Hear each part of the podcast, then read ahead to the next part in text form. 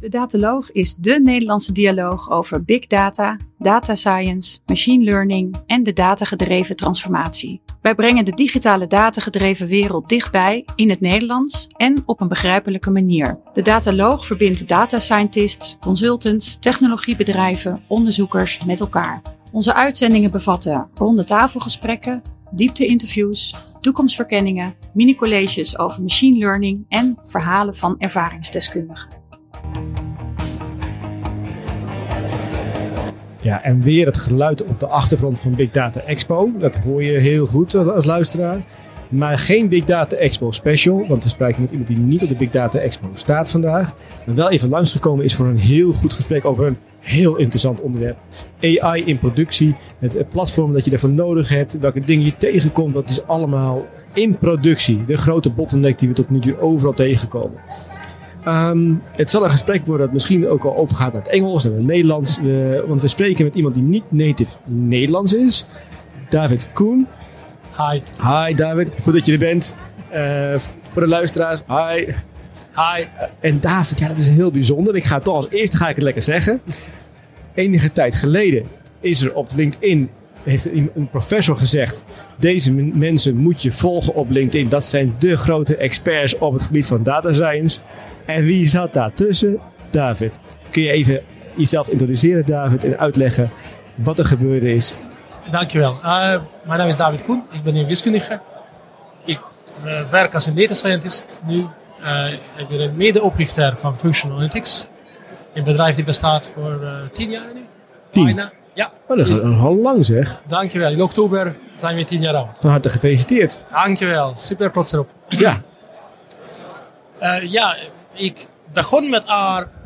Ik begon met haar uh, wel 14 jaar geleden toen ik naar Nederland. Uh, nu ben ik in Nederland gekomen. Ja. Met, voor mijn masterthesis uh, gebruikte ik R en dan er was alleen de Argui. Je kreeg nog geen R-studio, niks anders. Je moest even in Vim jouw code schrijven en dan in de Argui copy-pasten. Het was niet leuke tijden. Long time ago. Long time ago. Klopt. En in de laatste, wel, sinds dan heb ik uh, eerst als in actuaris gewerkt. Meer en meer met haar in de financiële wereld. Oh ja? Ja, super. Het komt eraan. Komt het komt eraan, ja? Langzaam. nog, nog, een paar jaar hebben we R als standaard tool in de, met de actuaris en de financiële instellingen. Uh, dat, is, dat kan even misschien ook uh, vroeger gebeuren, omdat de AG, de actuarische gemeenschap, ja? is druk bezig met de ADS-programma, de Actuarial Data Science programma. Om even te zien hoe kunnen zij eh, hoe, kunnen, hoe kunnen ze ondersteunen de actuaries om data science te worden? Goed zeg, goed zeg. Dat is heel belangrijk. Oké, nou toen heb je de, ben, je, ben je bij Functional Analytics gekomen. Je, wat, voor, je hebt een PhD gehaald bij het CWI of master? Uh, master bij de VU. Bij de VU in? Uh, Stochastics and Financial Mathematics. Nou, als je dus echt een heel wiskundig probleem hebt, dan kun je dus bij, bij hem terecht, niet bij mij. Zeker weet ik. Ik heb ook een master voor Hongarije. Ja. En uh, applied mathematics. Maar ik zeg altijd dat in, in Hongarije applied mathematics is meer theoretisch dan theoretisch wiskundig hier. so, het is iets compleet anders. Ja. En uh, ja, als, als een uh, wiskundige werk ik heel vaak met, met uh, kwantitatieve problemen. Ja. En wel, nu de standaard is meer en meer R, wel nu ook Python. In de, in de, in de financiële wereld? In de financiële wereld is meestal R. Ga door. Uh, ja, nee, ik wilde even zeggen dat uh, allebei hebben zijn mooie delen en uh, zijn lelijke delen. Ja. bijvoorbeeld afhankelijkheidsmanagement in R is een nachtmerrie. Ja. Maar dan... de, de packages bedoel je? Ja. ja. This package was not built for R version 3.4.1. had ik maar nooit geüpdate. En dat is niet zo slecht als, oké, deze, deze functie is veranderd in de nieuwe versie van de package haha, en nou, je kan niet, uh, je kan niet uh, teruggaan voor de vorige versie. Oh ja, oh ja, oh ja, oh ja. Oh, dat is ook zo eentje. Ja, precies.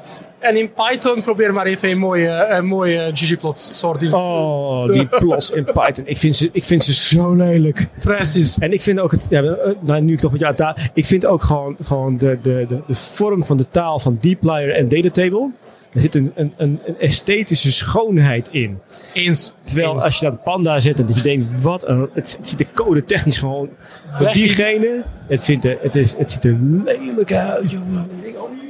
Ja, enkele dagen geleden hadden wij meer dan twee dagen werk om een pandas index te fixen.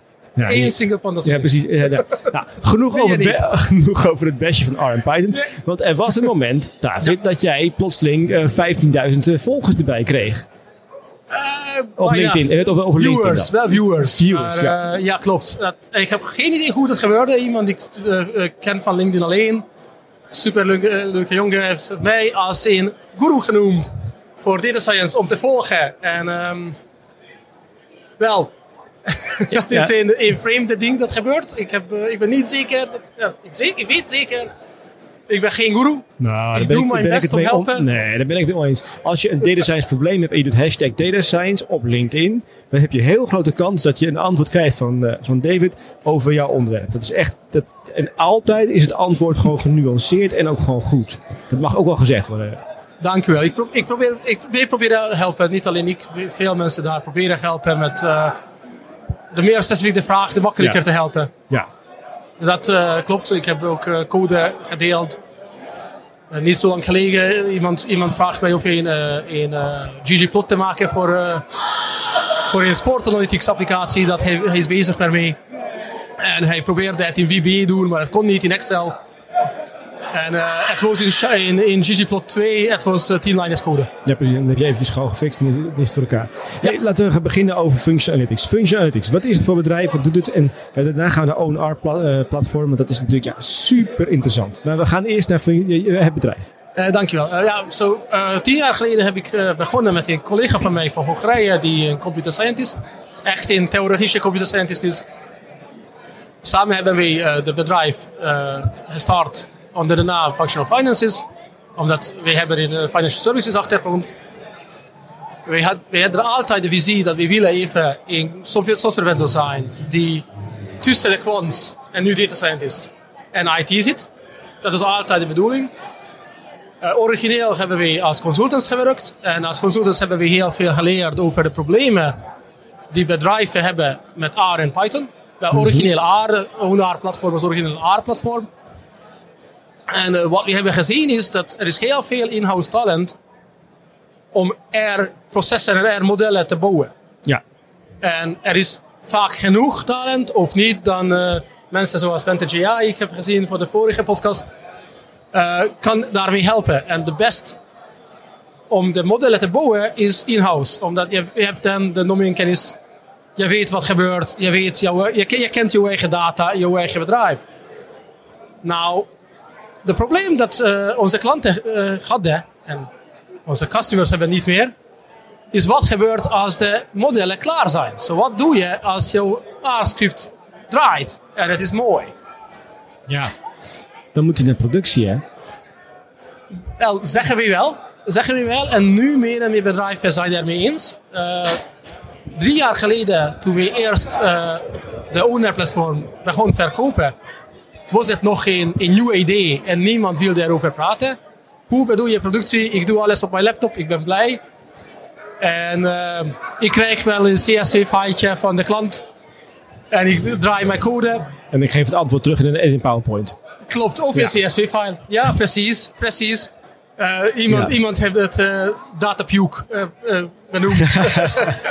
Zo, dat krijg je. Ja, dat- op de andere kant, IT noemt het data cowboys. Die krijgen de data van, van ergens, doen Ja. iets ermee en geven data terug zonder controle. Ja. Nou, vaak zien we dit, dit als een gevecht helaas. Zo, IT en de data scientists vechten met elkaar. Omdat IT zegt nee en data scientist zegt ja, maar ik kan even shadow IT opbouwen en doe ik het zelf. Ja, ik doe het op mijn eigen laptop. Als, als jij niet meer bij meewerkt, dan ga ik het op, mijn- op mijn eigen laptop doen. Weet je, dat, dat verhaal. Precies, precies. En dan, eh niemand is blij. Nee, want ook AVG, AVG technisch, dan heb je dat de data op die laptop staat. Dat is natuurlijk wat je ook niet wil. Eens, compleet eens. Dat, dat, dat, is, dat is een nieuw probleem, maar wel de, de, de filosofie was altijd een probleem. Dat, Ja. dat, dat je heeft geen, geen eh, controle, je heeft geen idee wie, wie verandert wat, geen version control, geen productie. Daarom hebben we de owner platform gemaakt, origineel voor R alleen en dan ook eh, ondersteuning voor Python toegevoegd. En binnenkort komt eh, Julia eh, ondersteuning ook. Omdat Julia is de volgende grote stap in de Ja, u- even, heel- even, even side parkeren. We hebben natuurlijk Julia, Jupyter komt Julia, Python, Python en R. Ik, Julia kom ik zelf nog niet zo heel veel tegen. Nee. Zie jij het wel, wel komen? Nog niet, maar ik denk het is super mooi taal. Ja? En ik denk het, het gaat... Hebben ze ggplot? Weet ik niet, eerlijk te zijn, weet ik niet. Maar geen dub meer nog, dat weet ik zeker. Oké. Maar ik denk het is een super mooie taal en het Ja. is iets interessant om op te pakken voor nu. Zoals Ja. 14 jaar geleden was interessant op te pakken. En misschien niet de taal om op te pakken. Maar ik denk dat als je ook Julia leert, wel, het is, het is, een, het is een asset. Het is Ja. een toegevoegde waarde.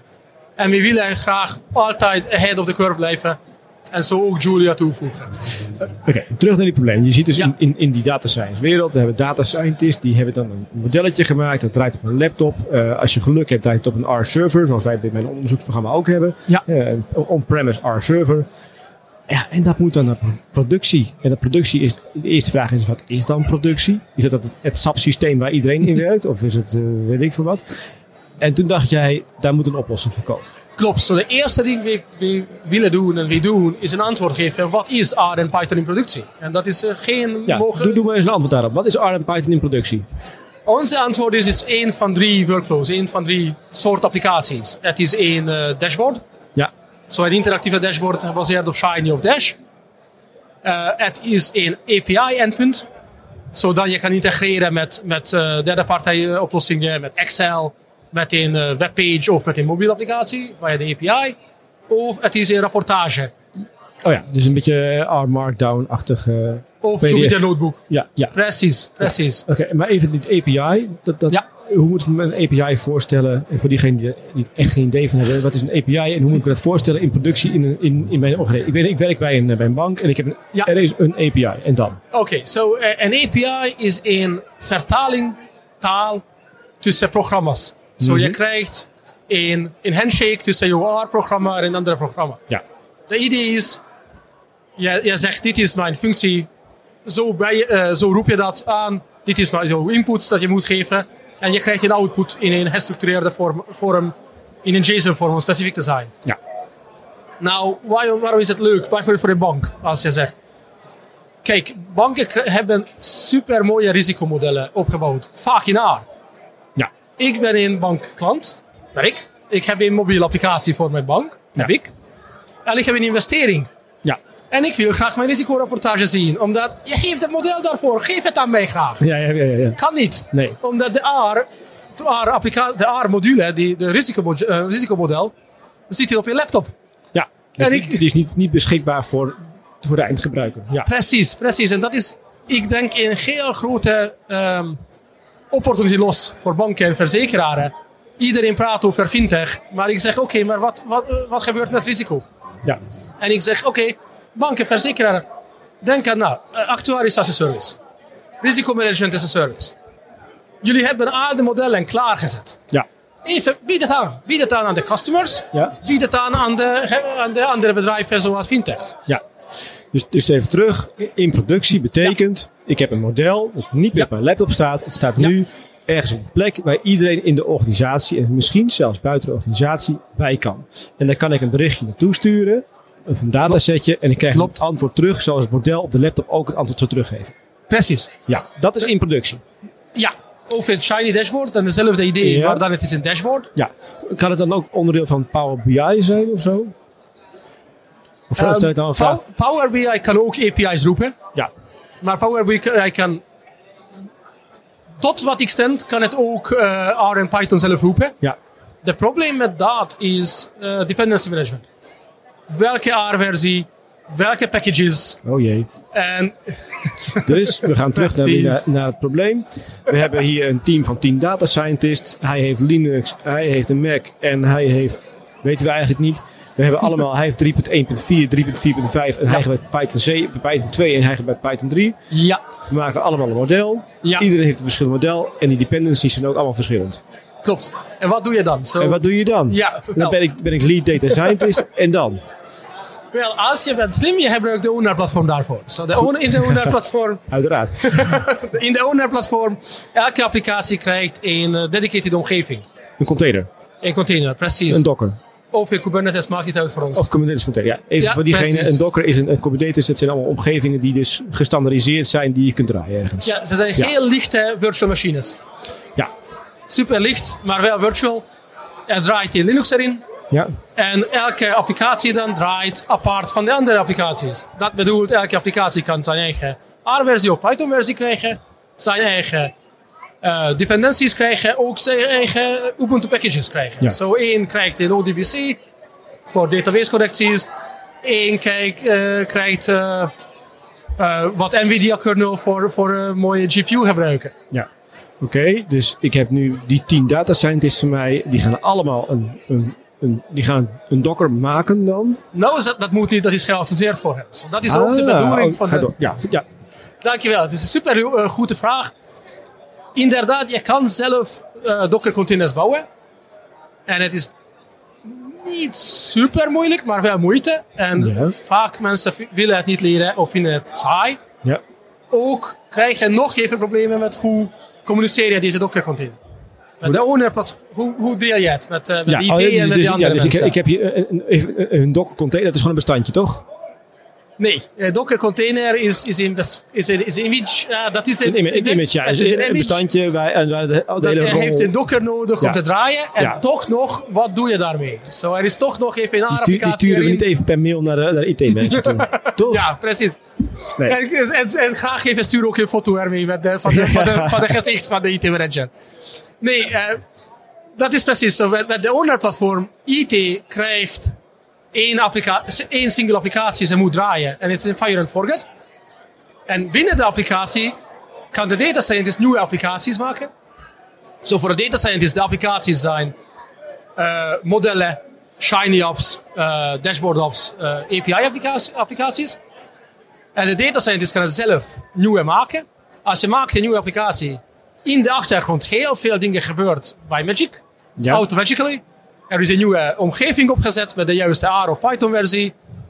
En als, ehm, toen, toen je doet de deployment, ook de dependencies zijn geïnstalleerd voor je. Dus jij, ga, jij garandeert door met je own R-platform dat als ik als data scientist op mijn laptop iets gemaakt heb, dat ik, dat ik het dan door kan sturen naar een platform dat werkt. Dat klopt. En om door te sturen, je moet niks anders doen maar een git commit doen. Via, wij, wij werken via Git. Dat klopt. Zo, de platform komt met een, met een Git ingebouwd. Het is geen GitHub, het is geen eh publieke ding. Het, is, het zit binnen jullie applicatie. Zo, het Ja. zit op on-premise of in cloud als je wilt. En ik, En- ik blijf gewoon nog gebruik maken van de R Studio GUI.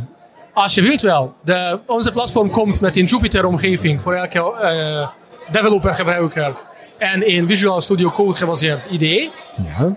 Maar je kan ook eh, PyCharm, Spider, RStudio, Ja. Eclipse, wat dan ook gebruiken als je wilt.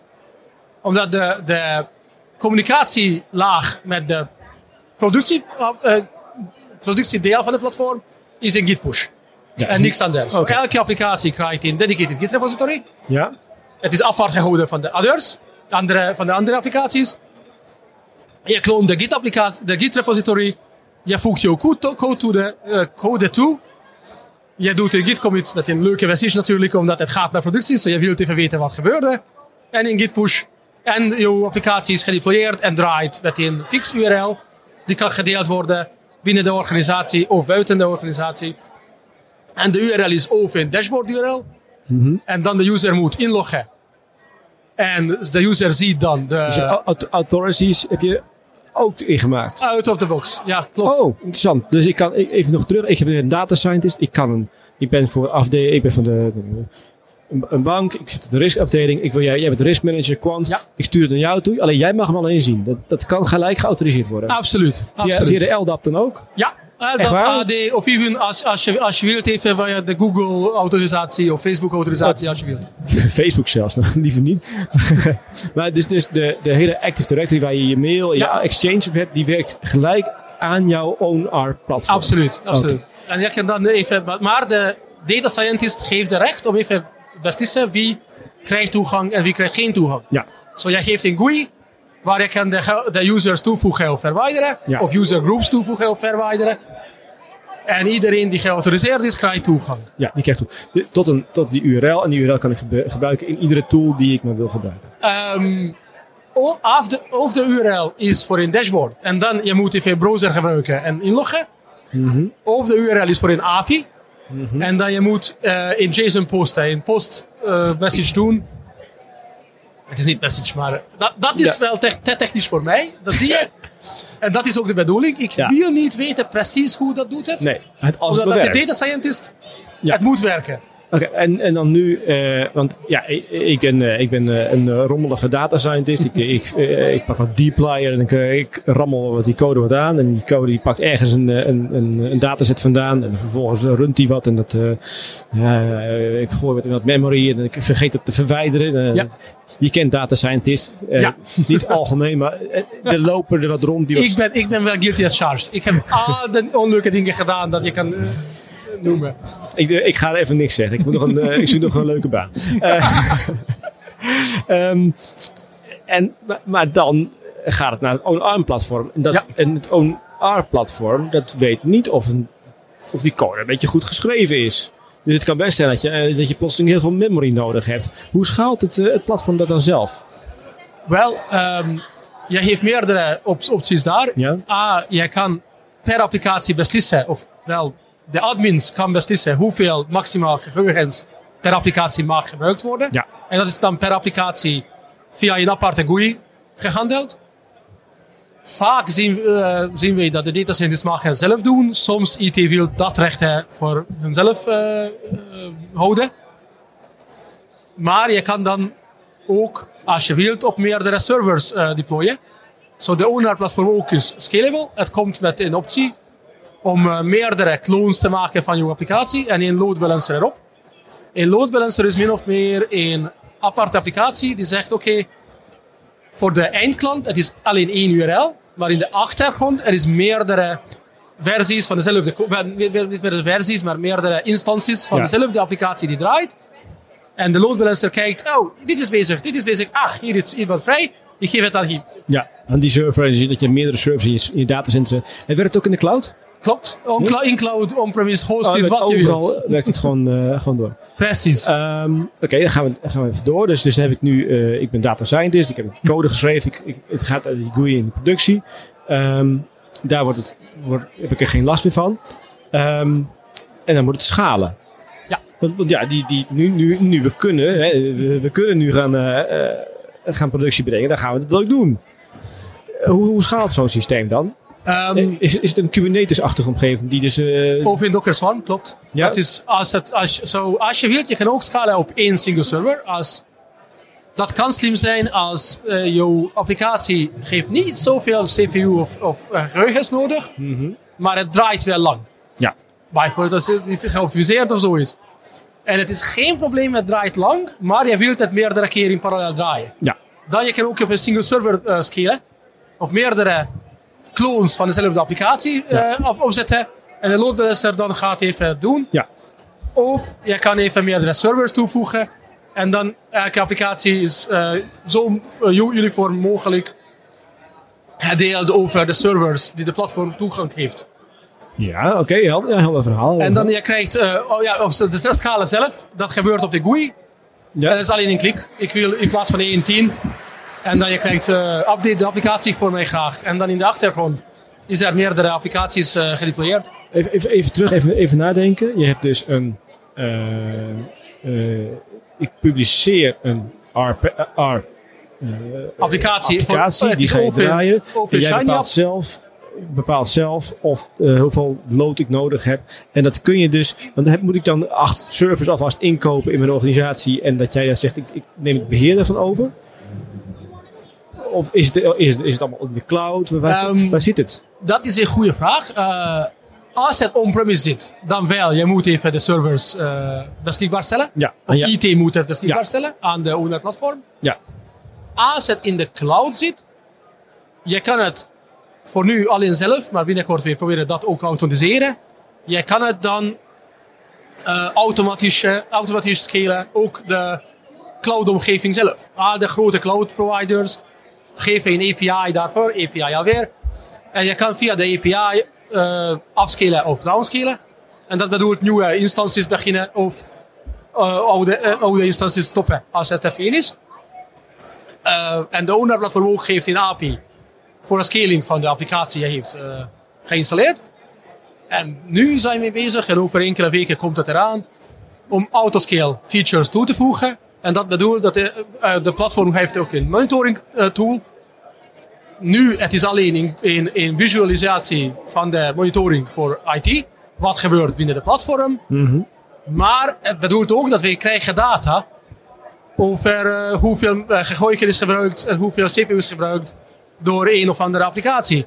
Zoals er te veel is gebruikt, dan kan je automatisch, als je autoriseert dat, omdat dat kost geld. Ja, precies, dat, ja, dat kost geld. Ja. Moet ik even te, op te merken dat het wel kost geld, dan niet van ons onze platform schaalt. Uh, er is geen... Uh, ja, businessmodel is niet dat bij, bij schalen je meer gaat betalen voor online. Dat klopt. Okay. Maar de cloud provider wel gaat je even die factuur sturen voor elke instantie en elke uur. Ja. ja. Elke seconde, om precies te zijn. Ja, ja. Zoals het geautoriseerd, geautoriseerd is, dan krijg je even een automatische scaling. hey, deze applicatie is geautoriseerd voor scaling en dat is... Er zijn te veel mensen die wachten voor een, uh, voor een antwoord. Even nog 10 servers toe te voegen. Ja, ja. En wat ik denk is een super mooie optie. Ik had nog geen tijd daarvoor. Onze data is ook niet helaas. Maar misschien iemand van onze klanten wil dat doen. Is even ook predictief kijken. Omdat je krijgt wel een database van de gebruik. Ah, ja, ja. Dat, je, dat je van tevoren kunt inschatten hoeveel eh, precies, resources precies. je nodig gaat hebben. Ja, ik heb ook, ik heb ook een keer voor um, uh, via de, de Mino Data Science, waar ik natuurlijk werk, ja. uh, hebben we een keer gekeken of we de jobs van het NIC even kunnen, kunnen predicten. Dus er komen nieuwe jobs op de server aan, op ja. die supercomputers. Worden, hoe worden die groter? Wat is ja. de, trend, de trend erin? Ja. Bijvoorbeeld in, in banken en uh, financiële instellingen, in verzekeraars, is, is de elke dag van elke maand die zijn reportagedag. Ja. Zo, wel, in de ene hand, je kan, je kan dat weten, iedereen weet dat. Maar het is ook mooi om even de time series te zien. Ja. En even een analyse doen van de time series. En zien of je ziet het terug in de data. Ja, helder verhaal. Ja. Oké, okay, dan hebben we dat ook weer ingedekt. We hebben een platform. Ja, ik, ja. We, we, pellen, nee. we, pellen, hem helemaal af. Ik wil, ik wil het weten. Ik vind het super interessant. Uh, versiebeheer. Uh, versiebeheer is opgelost uh, door een Git binnen een Git server in de platform. Binnen de platform. Elke applicatie krijgt een Git repository RW. En je kan altijd teruggaan in de Git repository van jouw commits. Zo, stel je voor, je bent bezig met, uh, met een update. Zo, je heeft al die applicatie, die draait in productie en het is blij daar. En het doet wat je wilt, maar je had een super mooie idee dat in plaats van één uh, distributie, je wilt een andere distributie gebruiken, omdat dat is, je denkt dat is beter. Wat doe je nu? Nou, de juiste manier is even testen. Zo, je kan dan eerst een nieuwe applicatie uh, starten. Of op dezelfde platform. Of als je hebt een OTAP-straat, dan in OFT. Je deployeert OFT. OTAP-straat. So, dat is ontwikkelen, test, acceptatie en ja. productie. Ja. In, in, heel veel organisaties hebben die ook al ingericht, die OTAP-straat. Klopt. Ja. Met, met, met de owner-platform, je kan dat wel binnen dezelfde platform doen als ja. je wilt. Of je kan het even, uh, wel apart houden. Ja. Dat is afhankelijk van de wensen van het bedrijf of, of van de organisatie. Ja. Maar stel je voor alleen één owner-platform voor nu en je krijgt al een applicatie die draait. En nu, je maakt een clone van de applicatie. Ja. Maar je probeert even dezelfde applicatie met een nieuwe R-versie draaien. Oh, ja, ja, ja, ja. En de oude applicatie draait wel in productie, zodat iedereen kan, kan, uh, kan langskomen en even gebruiken. Maar de nieuwe applicatie kan je dan wel testen op dezelfde server, in dezelfde omgeving. Doet het nog. We hadden vandaag een, een, een paar gesprekken. Eentje met, uh, met, met Kubernetes en één met um, Vantage AI. En het ging dan iedere keer over de onzekerheid van modellen. En dat je dus door de tijd heen dat die modellen steeds onzekerder worden. Ben je nou ook bezig met, oké, we hebben nu een productiemodel 1.0. Laat het 2.0 al naast staan als het ware. En gaan kijken, is het nu nodig om een update te gaan draaien? Is dat ook uh, met zo'n ONR-platform haalbaar? Uh, de platform ondersteunt dat, maar het is toch no nog, minstens, het is een best practice voor onze kant. Ja. So, jij moet het zelf doen. Monitoring van de performance van de applicatie is super belangrijk. Ja. Maar de inhoud? De, de, de, de inhoudelijke, zo niet de monitoren van de, de infrastructuur, maar wel of de applicatie doet nog wat je wilde. Ja. Of het, als je zegt, het kan even uh, divergence doen. En het kan even verder en verder weggaan van de, van de realiteit. Omdat je krijgt meer en meer data, maar je geeft niet uh, opnieuw getraind. Ja. Nou, we maken het makkelijk om dat te doen, maar we hebben nog geen uh, tooling daarvoor. Ja. Oké. Okay. hebben we nu alle dingen gaan? Security? Security, ja, dat is super belangrijk, denken we ook. En daarom, er is meerdere dingen die we doen voor security elke webapplicatie, dat is dashboards en rapportages, zijn user geautoriseerd. En elke API-applicatie komt met een API-key. Ja. We hebben veel vragen gekregen, mag je zonder een API-key? En dat was nee. We hebben een feature request gekregen, we willen even API-applicatie zonder API-key deployen. En we zeggen nee, kan niet. Omdat als iets misgaat, wij willen zeker weten dat het was beveiligd. Ja, ja. Um, en natuurlijk, de hele applicatie zit de hele owner-applicatie en jouw applicatie zelf zit achter de firewalls van jouw eigen organisatie. So, we hebben uh, extra lagen toegevoegd. Ja. Maar de vertrouwen, je, je, je, kan even jouw eigen organisatie en security architecten vertrouwen. En we voegen nog extra lagen toe. Ja. En ook zeggen we altijd dat de owner-platform is geen kasteel, maar het is een gevangenis. Het is niet alleen moeilijk om in te komen, maar om naar buiten te gaan. Ook naar buiten gaan. het is een super belangrijk ding. We hebben de vraag gekregen van een farmaceutical bedrijf. Ja. Die zei: Oké, ik gebruik open source R packages. Hoe weet ik dat er is geen malicious code erin?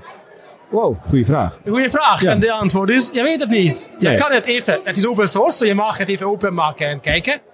Het is super veel werk. Of je mag zeggen: Oké, met de onderplatform, het maakt niet uit. Omdat Omdat als, het allemaal ge- gedockerized is en, dus, En- dus veilig. Of zie ik het, maak ik die, die slag te snel? dat is een beetje te, te, te Oh, ik ga te snel. Ik ga gesimplificeerd. weer eens te snel. Ja. een beetje te gesimplificeerd, maar wel, we, naast de dockerization, we doen ook extra lagen security. Bijvoorbeeld, alle communicatie moet eh, via een aparte applicatie binnen de platform. Zoals er is eh, malicious code in jouw applicatie en probeert naar, de- naar de buitenwereld te communiceren. Dat kan niet, omdat de applicatie zelf krijgt geen internet toegang. Ja. Ook als de applicatie is geëxposeerd aan de internet. Ja. Omdat er is nog geen laag tussen. Zo, de, de malicious code moet eerst buiten de Docker container komen. Ja. Dan- Dat, dat is al moeilijk natuurlijk. Dat is A, moeilijk. En dan het moet naar een andere container de Ja. weg vinden.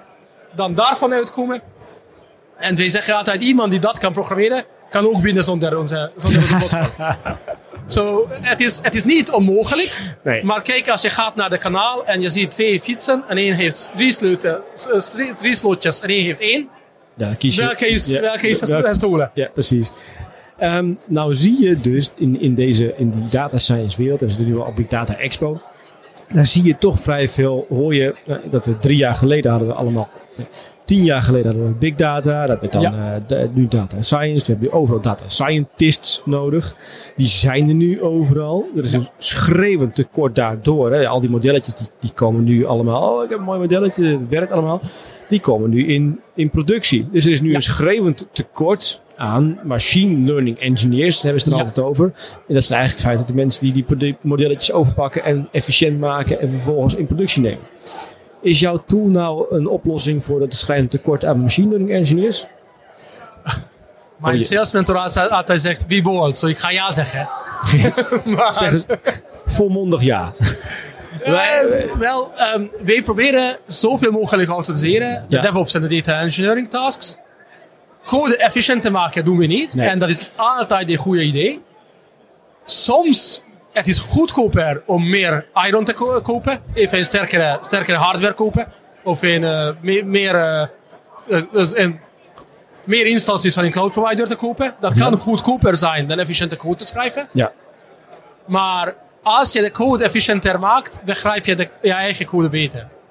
Ja, oké. Het is altijd een goede idee om dat zelf te doen. Maar de vraag was: hebben we nu minder machine learning engineers nodig? Gaan we nu zo meteen naar, een, naar de komende jaren naar een situatie waar die data scientists hun werk doen, die code geven aan een, een, een, een, een, eh, een platform. ARM platform of, Ja. eh, of, of een, of een concurrerend platform en het draait dan. Die, die machine learning engineers zijn niet meer nodig.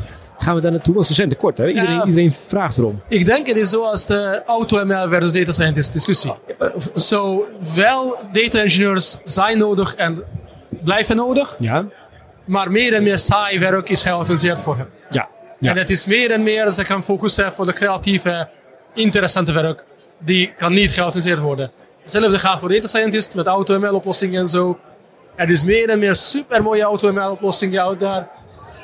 En er is meer en meer nood voor creatieve data scientists die niet alleen knutselen in R of Python, maar zelf begrijpen het domein en weten wat ze doen.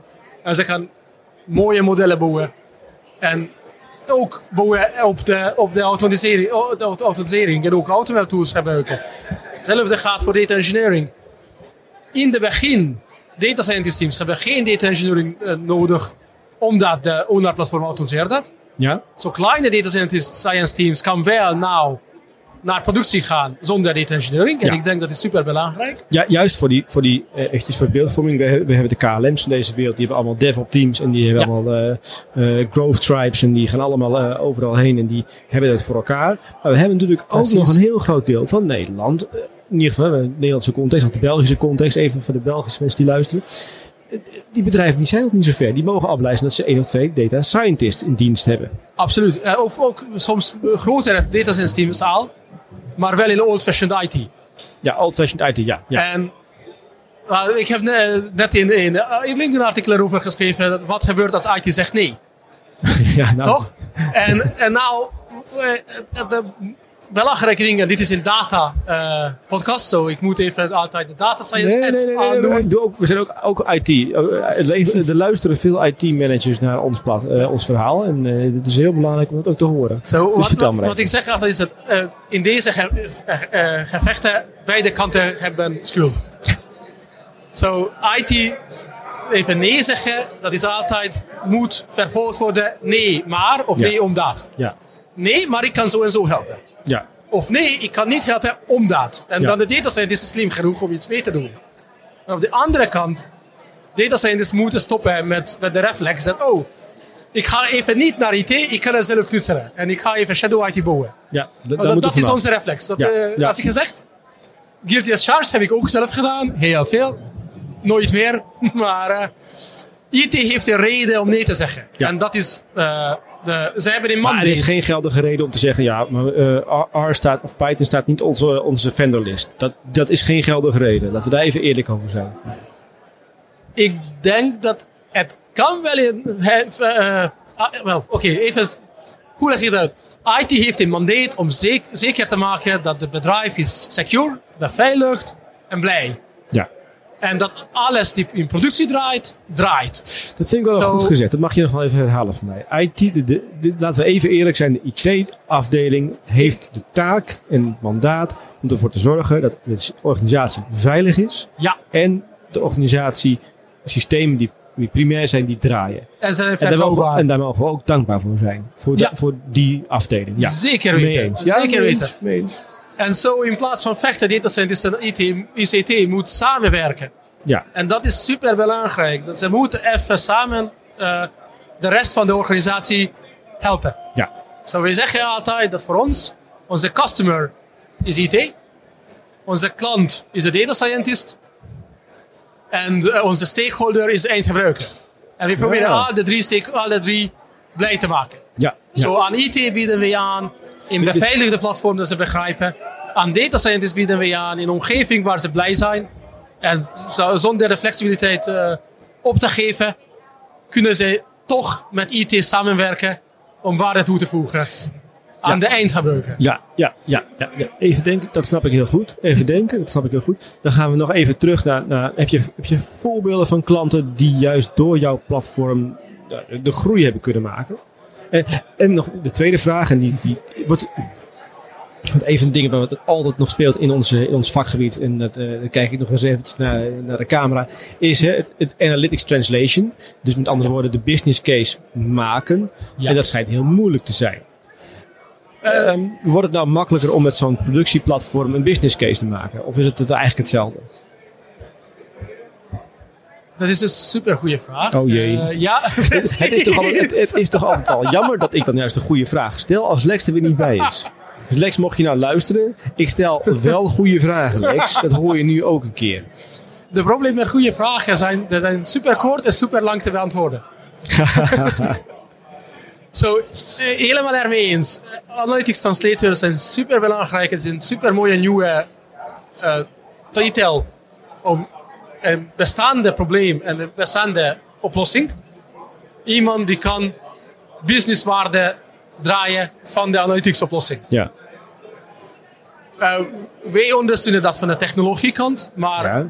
een analytics translator by design is een, is een mens. En is een mens die kent het bedrijf supergoed. En die mens die kent de model supergoed ook. Zo wij geven betere gereedschappen aan deze mensen. Maar er is, ze zijn wel super hard nodig. En ook voor een business case, ehm, wel eens van onze, eh, en ook voor goede, een van onze klanten is een energietrader. Ja. En ze hadden het probleem dat ze hebben eh, mooie forecastmodellen gemaakt. Het probleem is dat de forecastmodel draaide te lang. Te lang En- of te langzaam? Eh, allebei, hetzelfde, min of meer. ja. Het was langzaam en Als je ze niet gaat paralleliseren. Precies. Zo, soms eh, ze kregen het probleem dat eh, er was een evenement in de markt. Die draaide, die, die leidde tot een, eh, een verandering in de markt. En Ja. ze wilden erover geld maken, ervan geld maken. Maar de modellen waren niet op, op tijd klaar met het resultaat. Ja. Zo, hoe kunnen we schalen en hoe kunnen we het in productie zetten, was de vraag. En de antwoord was de owner-platform met een, eh, met een scalable oplossing. En nu, maar ze willen even zo klein geld mogelijk betalen voor de, platform, eh, voor de infrastructuur. Ja. Omdat deze evenementen zijn ad hoc. Zo, ze hebben geen predictie eh, daarvoor. Als het gebeurt, ze hebben super snel nodig, eh, meerdere servers nodig. Ja. En dezelfde applicatie super snel te draaien. Ja. En dan, als het evenement over is, dat kan alleen een half uur duren. Ze moeten even zo snel mogelijk downscalen. En Ja, dat doen ze met onze platform nu. En daarom wordt de business case ook makkelijker. Precies, de business case was super duidelijk voor de, voor de, eh, voor de bedrijf. Het is een klein bedrijf, 50 plus mensen. En eh, ze hebben het... eh, Ik zit midden in de uitzending. Gaat de gasten die iets toevoegen. Er staat, er staat een bordje on air. Hè? Dus, hou je niet voor mogelijk. Gast, denk je zelf. Ga door. Zo. Ja, dat moet gebeuren soms, toch? Mooi, toch? Eh, jawel. Zo, de business case was super duidelijk. Op elke keer dat deze zo'n evenement gebeurt en ze kunnen niet traden, Ja. was meer geld verloren dan, Dan- de licentiekost van de platform. Ja. Zo, maar wel, wij hebben daarmee geholpen ook, bij Ja. de business case te bouwen. Een andere is een eh, aerospace en eh, airplane eh, bedrijf in Nederland. Dat zijn niet zoveel, zo je kan het misschien gokken. En daar, daar ze, ze hadden ook de problemen dat er super mooie eh, eh, Shiny en Python oplossingen klaar. Mhm. En ze draaiden op laptops. Ja. ja. En, en eh, Ik, ik vind het wel gek. Het is even niet om mezelf. eh, de, eh, wij draaien al, al jaren draaien wij R op een, eh, op een webomgeving. Dus eh, op een, op een premise server. En eh, iedere keer dan hoor ik, eh, hoor ik van bedrijven. Ja, we draaien al op een laptop. Ik snap niet dat bedrijven niet gewoon de stap nemen naar überhaupt een, een, een, een desnoods een gratis serverversie van R op een laptop. Dat is toch zo ontzettend makkelijk. Maar dat is omdat het iemand moet dat ondersteunen van de IT-kant. Oh ja, en, en dat doen jullie dat, natuurlijk. Dat is precies. Ja, dat is Zo, natuurlijk. als je gaat buiten jouw organisatie, je Ja. gaat zien dat oké, maar eh, je mag misschien bijna alles doen op je laptop.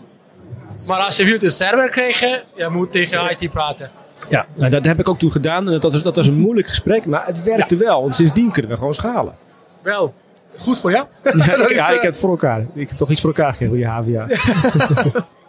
Ja. Eh, Dat is super leuk, maar soms het is eh, wel de meer complexe organisatie, de meer bang. IT is, Ja. dat er nog geen tool komt in de serveromgeving. ja. Dus jij praat het liefst als potentiële klanten met IT-managers. Die Ook. in organisaties die beginnen met data science zeggen: "Ja, Ik weet niet hoe ik hiermee om moet gaan. Eh, Help mij, ondersteun mij. Allebei, allebei. We proberen met IT en met de data science team praten. En ook, als het kan, allebei naar dezelfde tafel brengen. Omdat super Ja. vaak zien wij, dat wij kennen mensen op beide kant van de, van de barricade. Maar ze kennen niet elkaar. Nee. En ze nee. zitten in hetzelfde gebouw. Ja, en mooi, ik ken hem meer, beter. En Ja, dat is mooi, vreemd. Zo. Ja, leuk is dat. Ja. Daarom doen, doen we vaak, wij doen een introductie of op de IT-kant of op de data science kant. Ja. Maar dan gaan we andersom. En we praten ook met de andere kant. Dan proberen we even samen zitten. Ja. Dan komt vaak nog één of twee rondjes met security architect, met de enterprise architect, met de business architect, de solution architect, de applicatie architect. Ja, ga door, door, door. ik, ik, had, ik had een meeting met zeven verschillende architecten in één kamer. En dan wordt een offerte gemaakt en dan wordt het ook nog eens naar de, de hoofd IT. Zeker weten. Ja. En nog niemand van business. Dat is, de, Oh ja, dat, en dat is het probleem. Dat is het probleem. En, en, en dan krijg je ook de businesskant ge- geeft geen idee dat er is zoveel architecten die daar zitten om te helpen. Ja, ja. Zo we proberen ook een brug zijn. Bo- Ook de platform zelf en ook ons als een vendor. Om even deze mensen even samen, samenbrengen. En even een discussie beginnen in plaats van vechten of in plaats van shadow IT te bouwen. ja, ja. En de, de platform.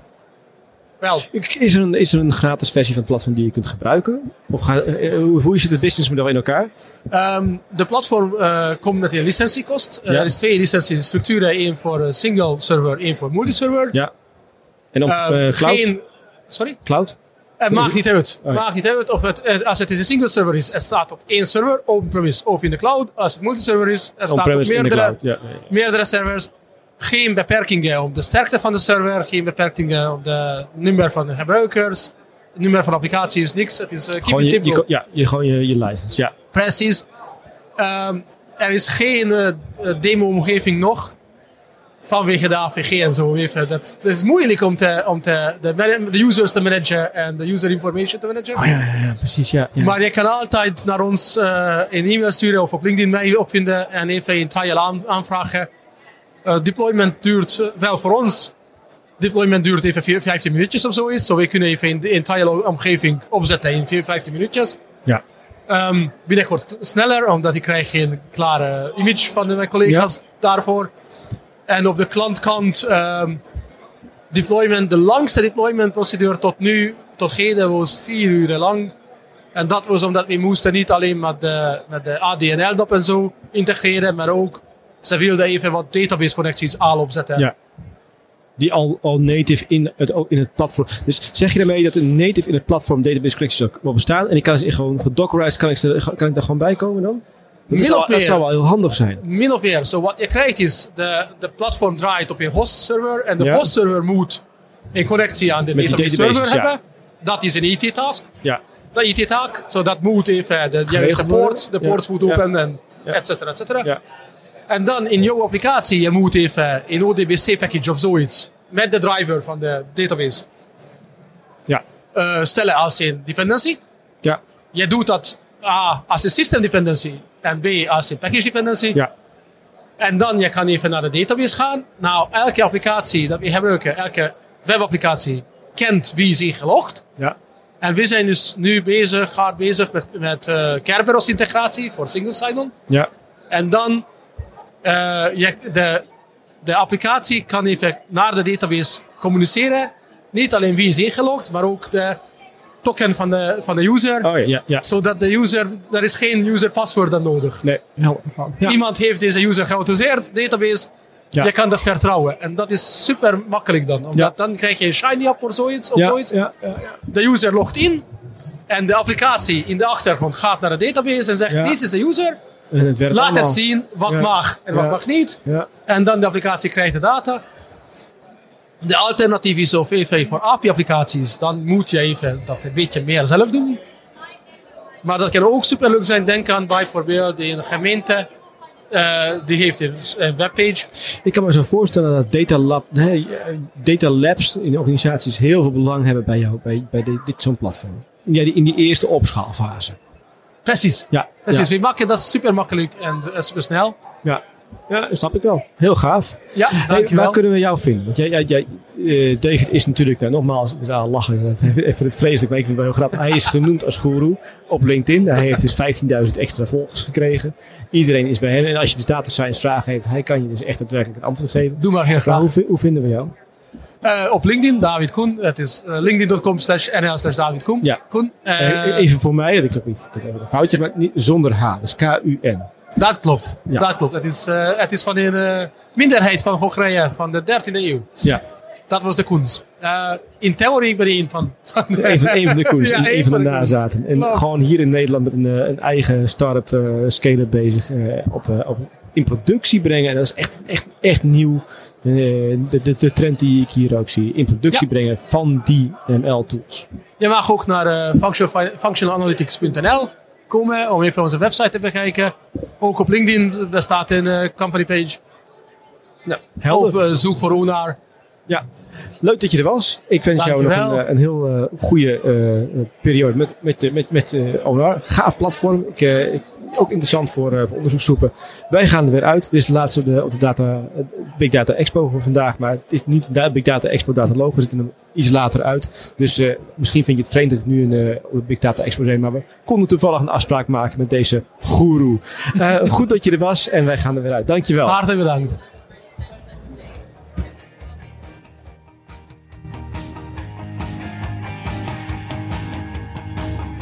Bedankt voor het luisteren naar deze uitzending van de Dataloog podcast. Wil je automatisch wekelijkse podcast ontvangen? Klik dan op subscribe in jouw favoriete podcastprogramma. Vond je onze podcast leuk, goed, interessant of wellicht te veel ene en nullen? Laat een review achter of geef thumbs up. Heb je vragen of opmerkingen? Kijk dan ook eens op www.dedataloog.nl. Hier staan ook de show notes van alle uitzendingen.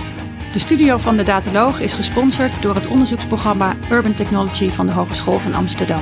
Alles wat we maken doen we onder Creative Commons. Je mag alles hergebruiken voor niet-commerciële doeleinden, zolang je ons als bron maar noemt. Volg ons op Twitter op @dedataloog. Graag tot de volgende keer en voor nu tot data.